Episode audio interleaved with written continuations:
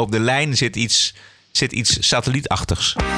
This is the TPO podcast. Wel immigratiepact, geen Belgische regering. dat men NVA kan verbinden zonder ons akkoord, dan maken wij geen deel meer uit van deze regering. U hoort vanuit Berlijn Sietske Bergsma over de opvolgster van Angela Merkel. In een week vol identity politics mag deze vraag niet ontbreken. Is it okay for white girls to look black?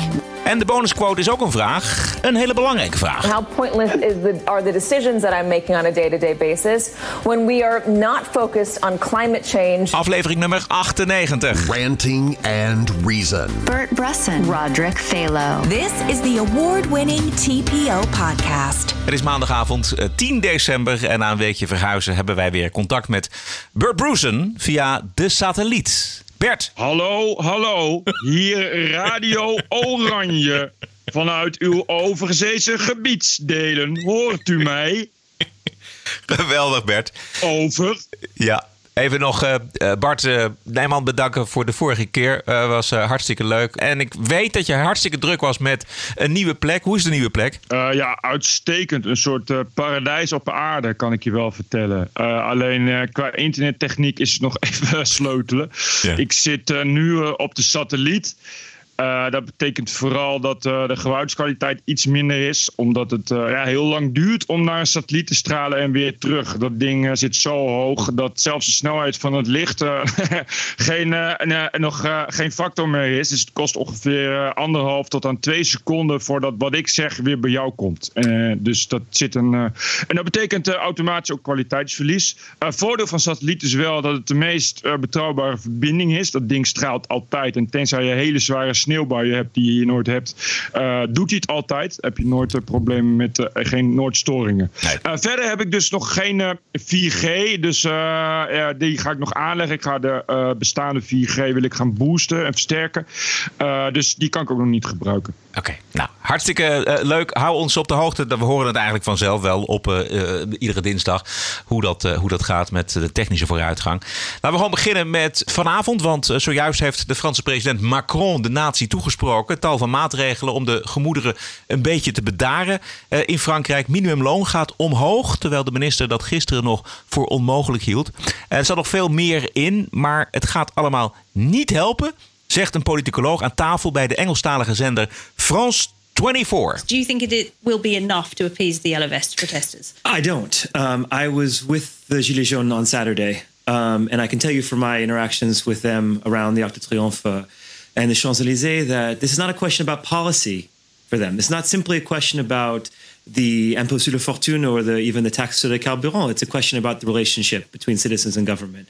These are people who feel that they've been talked down to, that they've been excluded, uh, and that uh, they don't uh, trust anymore that the system that claims to represent them will make decisions on their behalf. So simply making different policies is not going to uh, resolve the anger and frustration that exists. It's about Paris, it's about centralization, it's about a ruling class that's been making international deals perceive that that help the the Parisians at the expense of the countryside.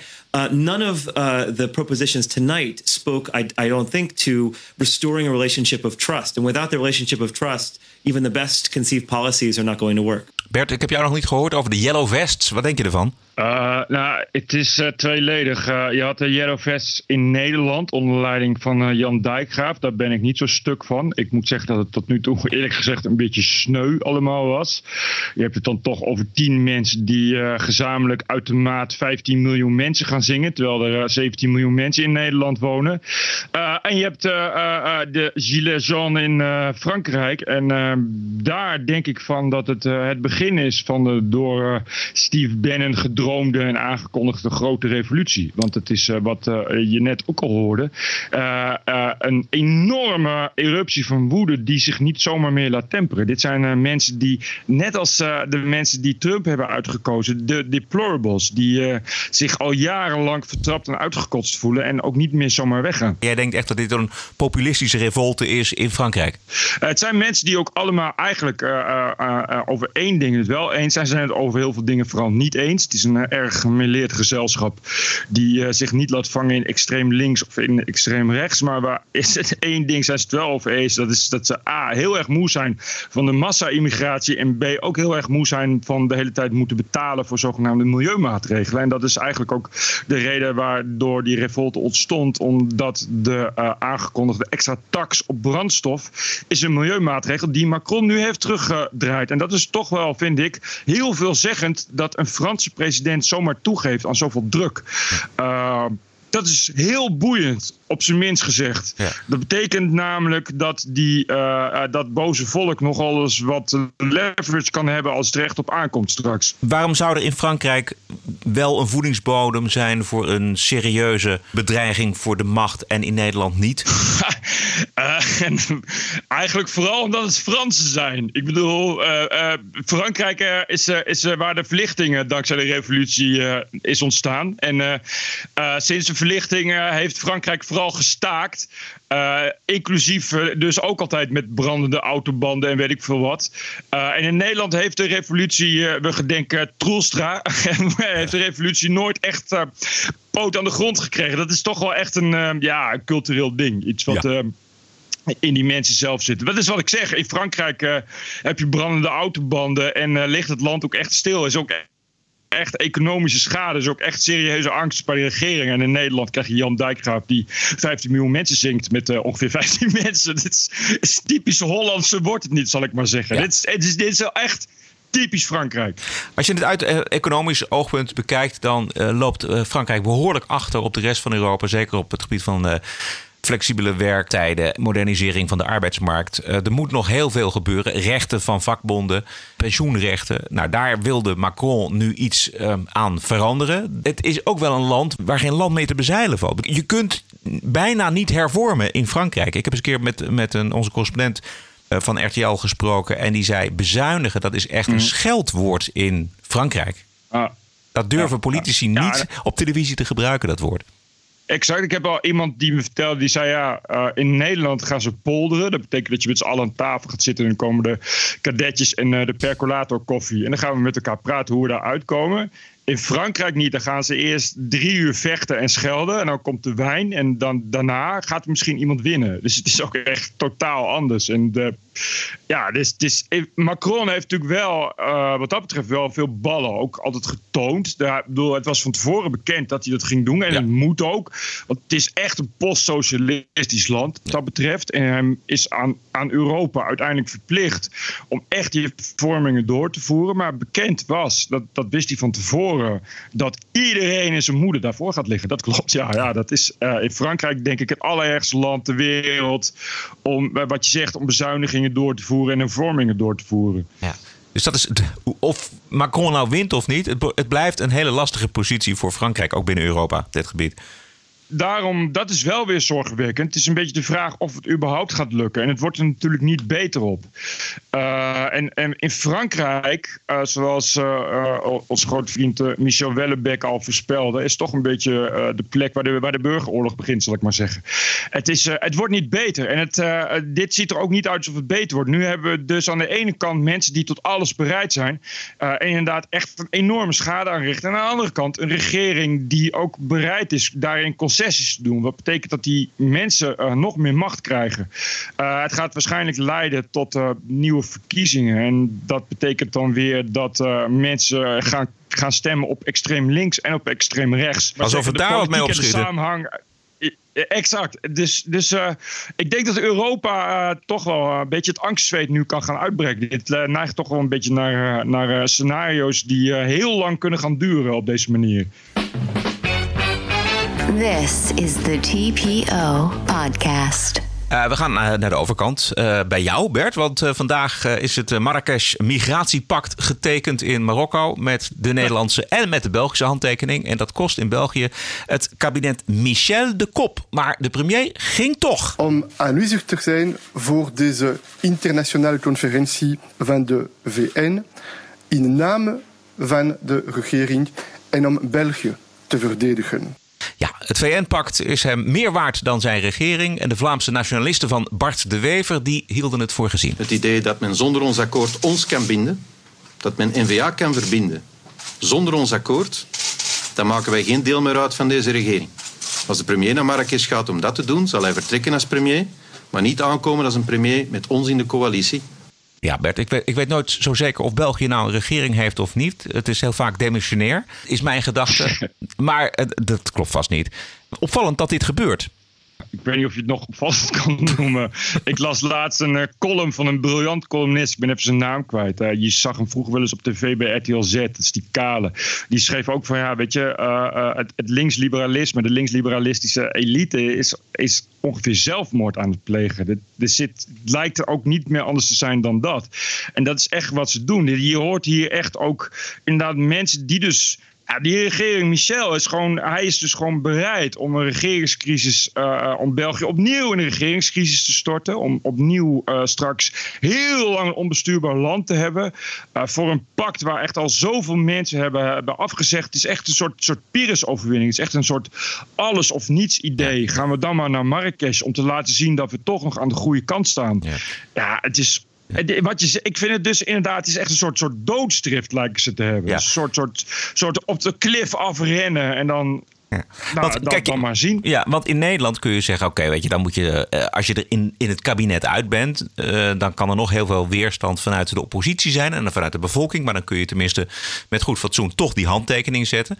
Maar in België stond de regering op het spel. En dit is dus nou precies waar het om gaat. Dit is dus ook waar het nu om gaat in Frankrijk. Om, om echt twee volstrekt afgescheiden werelden. Uh, van mensen. Dit is niet meer een kloof. Dit is, dit is gewoon een oneindigheid die ertussen zit. En dat is ook niet meer te overbruggen. Daar ben ik van overtuigd. Daarom denk ik ook dat het alleen maar erger gaat worden. Uh, ja, en dat is dus, weet je, uh, linksliberale zelfmoord of hoe je het ook noemt. Maar het is ook, ook verder volstrekt onmogelijk geworden voor die zittende elite om nog ja, te luisteren naar wat er gebeurt. Je zou dus inderdaad denken, ja, als je weet uh, dat dat het einde van je regering betekent, dan zoek je daar toch een middenweg. Het gaat om een pact, hè, wat, wat verder niet. Het is niet dat het gaat om, uh, om, uh, om, om, om het leven van 100 miljoen mensen of zo. Het gaat om, om een soort symbolisch pact. Waar je ook gewoon uit kan stappen. Waarvan je ook kan zeggen: oké, okay, nou ja, we stonden er eigenlijk achter, we hebben het geprobeerd. Maar ja, om nou de regering ervoor te verliezen. Voor, voor een of andere, voor een van de VN-overeenkomst die eigenlijk niemand interesseert. Het is echt. Het is ongelooflijk wat hier gebeurt. Dat is echt heel bizar. Ja. Uh, Spanje heeft ook getekend. Gran Canaria ligt zo'n 200 kilometer van de Afrikaanse kust. Verwachten jullie daar nou veel verandering door dat pact? Nee, uh, dat, uh, ze hebben hier uh, vroeger hebben ze hier, dat is echt begin 2000, kwamen hier inderdaad bootvluchtelingen en zagen de nu bekende taferelen van rondrennende asielzoekers tussen, tussen verdwaasde badgasten. dat vonden ze niet zo'n goed idee. En als ze hier iets niet een goed idee vinden, dan zijn ze er ook best wel snel klaar mee. Ik geloof dat als je, ze hebben nu een, sowieso een verdrag gesloten. Dat betekent zo'n beetje dat de grenswacht in de Sahara time er is ook heel veel Guardia Civil in Afrika. Die houden dat allemaal tegen. En als het alsnog lukt om hier met een bootje aan te komen, dan pakken ze je op en dan zetten ze je vast op een uh, plek die uh, door Amnesty niet helemaal wordt bejubeld als een mensenrechtvriendelijke plek. En dan word je op het vliegtuig teruggezet. Dus dat was al vrij snel afgelopen. de Canarische eilanden is eigenlijk een vrijwel onneembare, onneembare vesting geworden. En dat heeft een reden. Dat is de reden dat de Canarische eilanden voor 100% toerisme Dus het laatste wat ze willen is inderdaad foto's in de kranten van asielzoekers tussen zonnebadende toeristen en, en, en de user. Je hebt hier ook geen. Je, ik heb hier nog nooit ook eigenlijk echt een asielzoeker gezien. Het is, je hebt hier wel wat, wat zwart-Afrikanen, Bedouinen. Je ziet hier ook heel weinig vrouwen met hoofddoekje, maar wel eens inderdaad van die vrouwen die zijn heel zwart. Echt inderdaad donker Afrika en dan met van die enorme gekleurde doeken om. dat is wel een beetje. Je hebt hier wel ook. er is een islamitische eh, bevolking, maar ze zijn ook niet zo heel gek op de islam hier. En dat is, eh, zijn ze eigenlijk al niet zo eh, sinds, wat is het, jaar 1100 of zo, ja, rond de tijd met het beleg, beleg van Wenen. het is hier niet, dus het is hier niet echt een, ook een aantrekkelijke plek. En al die mensen die in Afrika wonen, die weg willen, die willen ja, naar, naar Amsterdam. Want, nou goed, daar krijg je gratis een kraakpand en Halsma, et cetera. En die willen naar Duitsland, want moet die Merkel even zeggen, weer schaffen dat, et cetera. Dus dit is, niet, dit is hier geen plek plek. Is hier niks ook voor ze. TPO Podcast.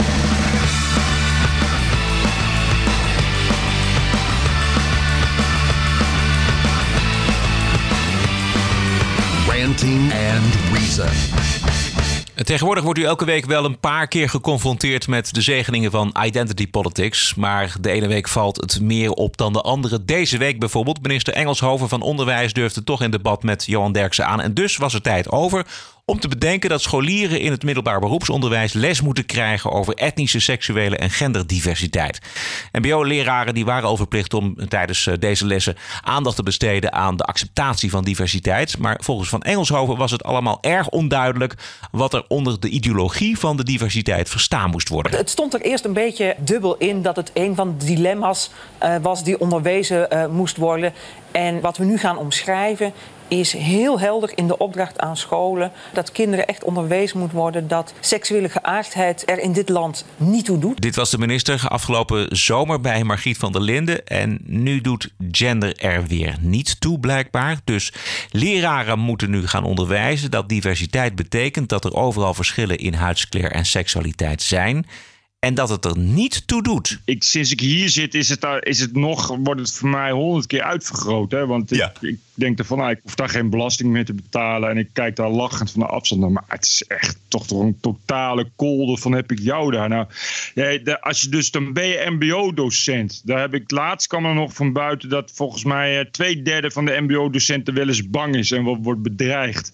Weet je, dan ben je dus, je bent al bezig met een, met een vorm van onderwijs die al moeilijk is. Mede door bezuinigingen. Je verdient al niks. Dan probeer je je leerlingen in het gareel te houden. Zeker op het VMBO is het vaak niet zoveel meer dan hopen dat er wat achterblijft. Maar weet je, laten we ze wat aanbieden. Een vorm van, van onderwijs en dan moet je van de, van de verantwoordelijke minister, waar je helemaal niets aan hebt, waar je echt nog nooit ook maar iets aan hebt gehad, moet je het over gender gaan hebben. Nou, dan weet je toch volgens mij niet meer hoe je moet slapen als je docent bent. Ja, meester Bart, dat is dan waarschijnlijk de enige die dat wel heel belangrijk vindt. Maar je ziet dat toch voor je, dat je op een, op een, op een zwarte mbo in Amsterdam Zuidoost, waar dan voor 80% zitten de allochtone jongeren dat je dan even gaat zeggen: jongens, we gaan het vandaag over genderfluïde en genderinclusiviteit hebben. Wat denk je dan dat die jongeren zeggen? Volkskrant kwam zaterdag uh, met een tweet over de gele hesjes in Nederland. En die luidde: In Parijs kwam het tot stevige botsingen met de politie. Maar in Nederland waren de gele hesjes vreedzaam enkele tientallen, vooral witte, oudere Nederlanders gingen de straat op. en ook NRC gaat vol op het orgel om nooit meer afscheid te nemen van de identity politics. Uh, tweet. Alles in de nieuwe horecaketens in Amsterdam communiceert. Ja, Dit ja, ja, is voor witte, hoogopgeleide tweeverdieners. En deze week een podcast van de BBC. En die ging over de prangende vraag of het blanke meisjes en vrouwen wel is toegestaan om zich donkerder voor te doen dan ze in werkelijkheid zijn. En daar is een term voor. Blackfishing. BBC Sounds. Music, radio, podcasts. Today, is it okay for white girls to look black? Colorism has become a global talking point this year, but over the past few weeks, a new word has emerged on social media after a backlash against white Instagrammers who've been accused of trying to look black or racially ambiguous. The term used to describe what these girls are apparently doing blackfishing. Do you have a problem with it? And I should say, we are three women of colour. Um, Sarah, you have mixed heritage. Jar Jar, you're black. Yeah. Do you have a problem with it, Sarah? Yeah, I do. I don't think it's right that white women are picking bits and pieces of blackness um, and using it as a beauty trend. It's not an opt in, opt out thing. Being a black woman with the features that black women typically have, whether it's big lips or big hips or um, thicker hair or cane rows, as they call it, braids, this was never cool. And now all of a sudden it's cool. It's, it was never cool in black women. And now it's cool. Oh my gosh, Kim Kardashian has made it cool. It's quite insulting. I knew it as cultural, cultural appropriation. Yeah. Het is insulting. dus ik weet niet of er, of er veel uh, West-Europese toeristen naar bij jou uh, komen op de Canarische eilanden. Ik weet het bijna wel zeker van wel. Uh, als die in de zon gaan liggen, dan is dat eigenlijk insulting black women. Ja, ik vind bij al dit soort shit, hè, als je mij zou vragen, kun je, kun je wat belachelijke dingen verzinnen? Dan zou ik hier niet eens kunnen opkomen. Dat is, het is zo bizar. Elke keer als je dit leest, het is inderdaad telkens weer iets nieuws waar ze dan slachtoffer van zijn. Colorism. Maar dat zijn ook echt steeds dingen dat je denkt, dat je ook denkt, van, hoe kom je daarop, hè, in godsnaam? Echt, zo, echt, ik heb echt het idee dat er gewoon ergens een team zit. En die zit elke dag te brainstormen. Wat gaan we nu eens bedenken? Waar mensen slachtoffer van kunnen worden. En het wordt steeds raarder, steeds extremer. Dus je denkt van. Hoe kom je daar überhaupt in godsnaam bij? Bert, als je eenmaal de afslag hebt genomen. Ja, maar de absurditeit ervan, weet je, dit is toch echt, dit is toch satire, weet je. Ik, ik wil, je kan nu wel weer gewoon een fragment van Verkoot de Bie laten horen, die dus dit exact voorspelde, zeg maar, in 1980.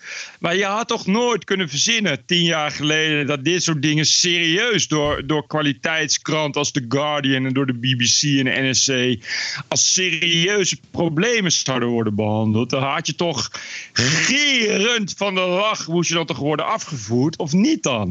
En dat is echt, die absurditeit, die grenzeloosheid is bijna echt creativiteit op zich. Ik vind het soms echt bijna kunst dat je dat kan verzinnen. Weet je, ik, weet je het gaat niet alleen om, om racisme of gender. Maar echt dit, dat je dit soort dingen kan verzinnen, vind ik echt. Ik denk wauw, je moet dan maar opkomen. En ik denk serieus dat er een heel klein groepje is die op dit soort dingen komt. Ja, de rest neemt dat over. Maar die mensen die dat verzinnen, die zijn best wel, die zijn best wel briljant, creatief eigenlijk. Het enige verfrissende dat daar tegenover stond was de 47e Johan Huizinga-lezing van feministe Jolande Withuis. En zij zegt: de identiteitspolitiek doet alsof het vanzelf spreekt dat iemands huidskleur, geloof, seksen of seksuele smaak zijn wezen vormt. Het vermogen tot zelfstandig denken en handelen en de vrijheid je los te maken van een dergelijke indeling worden ontkend. Zoals vroeger vaststond hoe gereformeerden of arbeiders dachten, zo staat dat voor de aanjagers van dit nieuwe totalitarisme vast voor de nieuwe ontworpen groepen. TPO Podcast.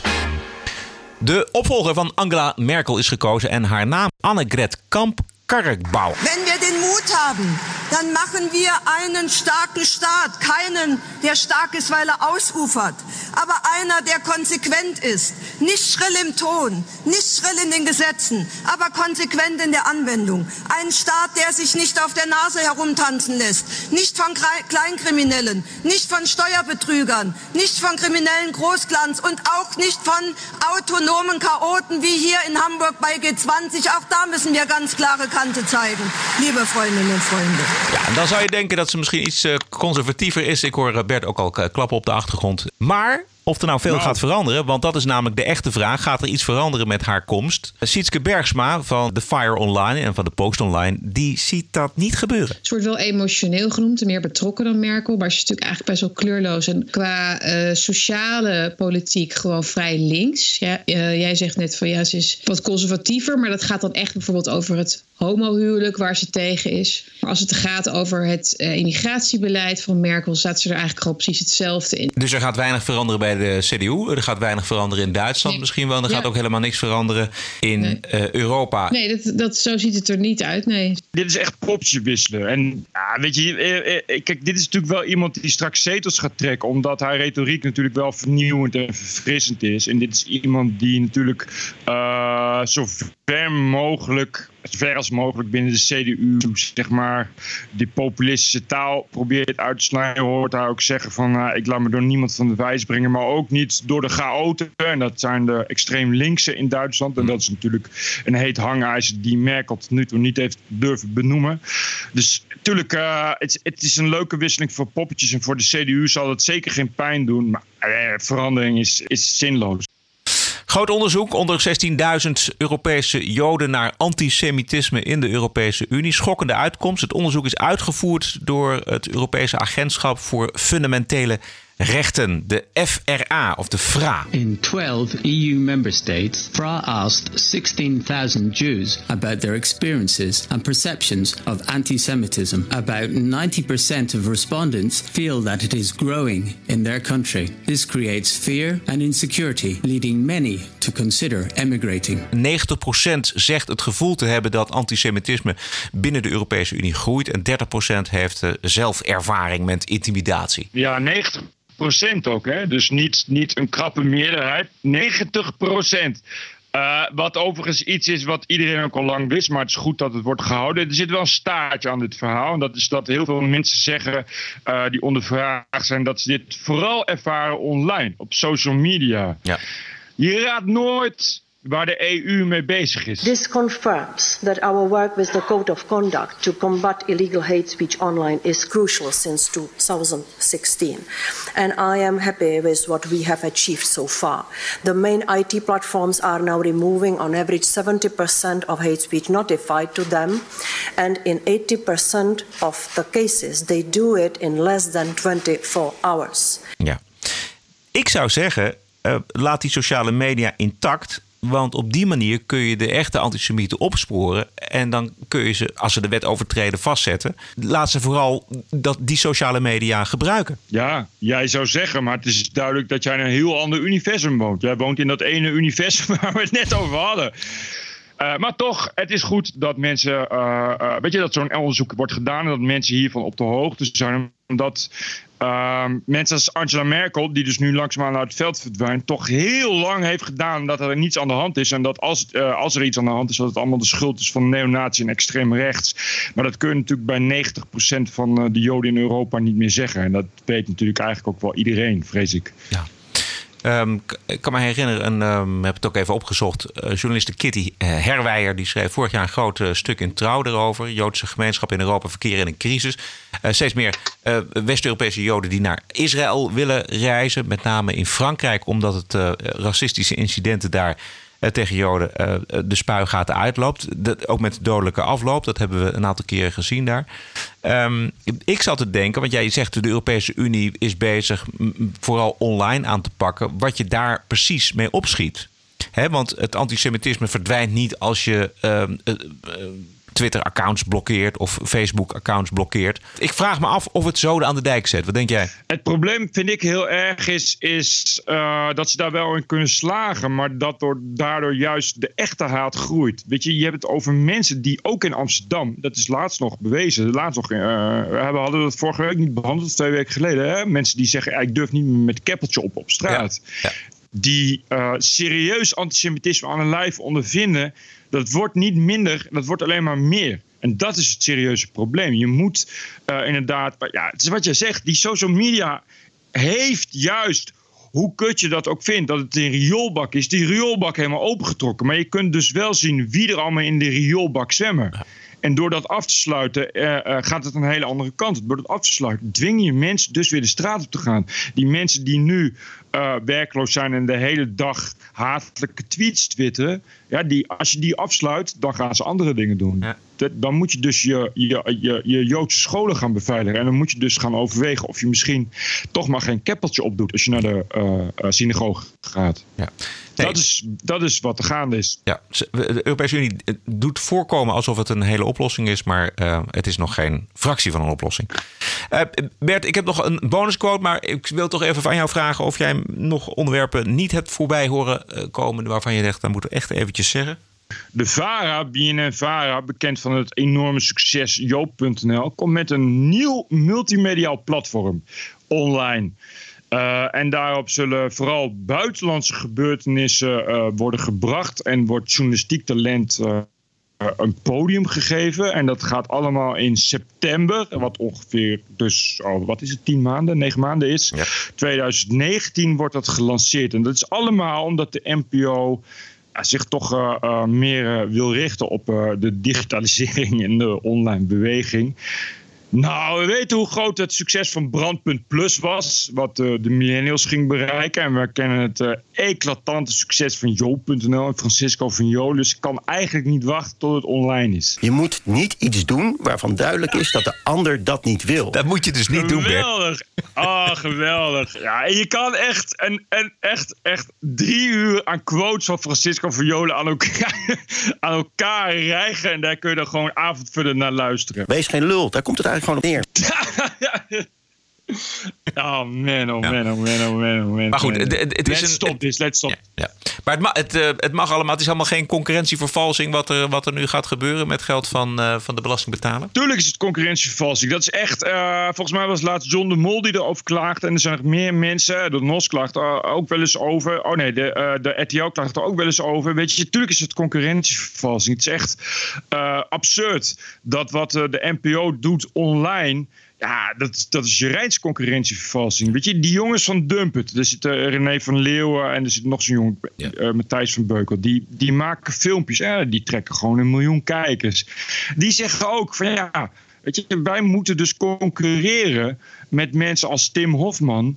Die, die gewoon eh, eh, onbeperkte budgetten hebben. Weet je, die gewoon worden betaald door belastingbetalers. Tuurlijk is het absurd. Tuurlijk eh, is, is, is een, een medium. Ja, Joop.nl is wel een heel slecht voorbeeld. Maar tuurlijk is, is de NOS. Dat hoorde ik. Volgens mij was het John de Mol hè, die dat laatst zei. Die, die, die zei van nou ja, het is eigenlijk zou je moeten nadenken of je nog wel geschreven nieuwsberichten bij de NOS wil. In Duitsland hebben ze dat niet meer. Hè. De publieke omroep in Duitsland mogen alleen nog maar video's online zitten. Namelijk eh, de reportages die ze hebben gemaakt.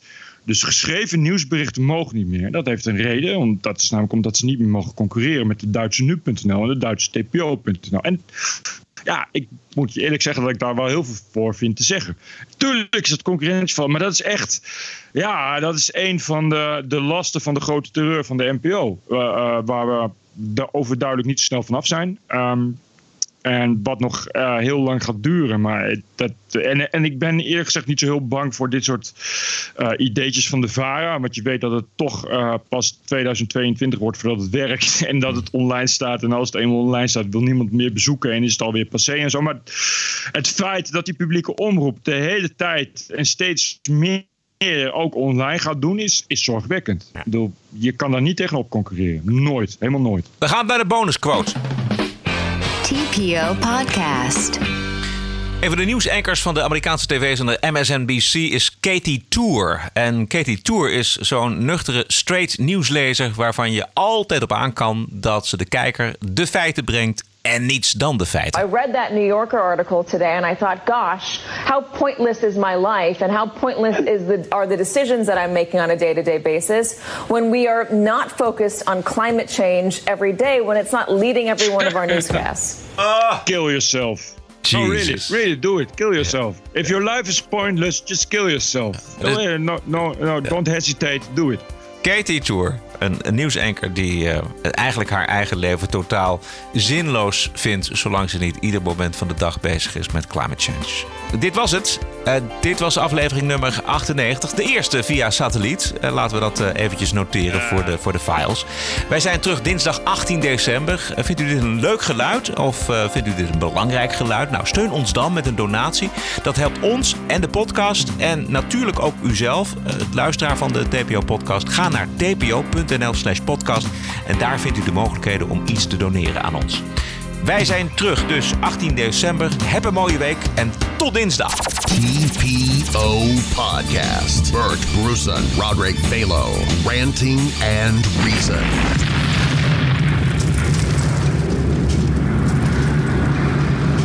Dames en heren, tot zover sprak tot u de koning via Radio Oranje. Wij hopen dat u heeft genoten en nog een prettige week. TPO Podcast. The award winning TPO podcast can be heard on the No Agenda stream at noagendastream.com.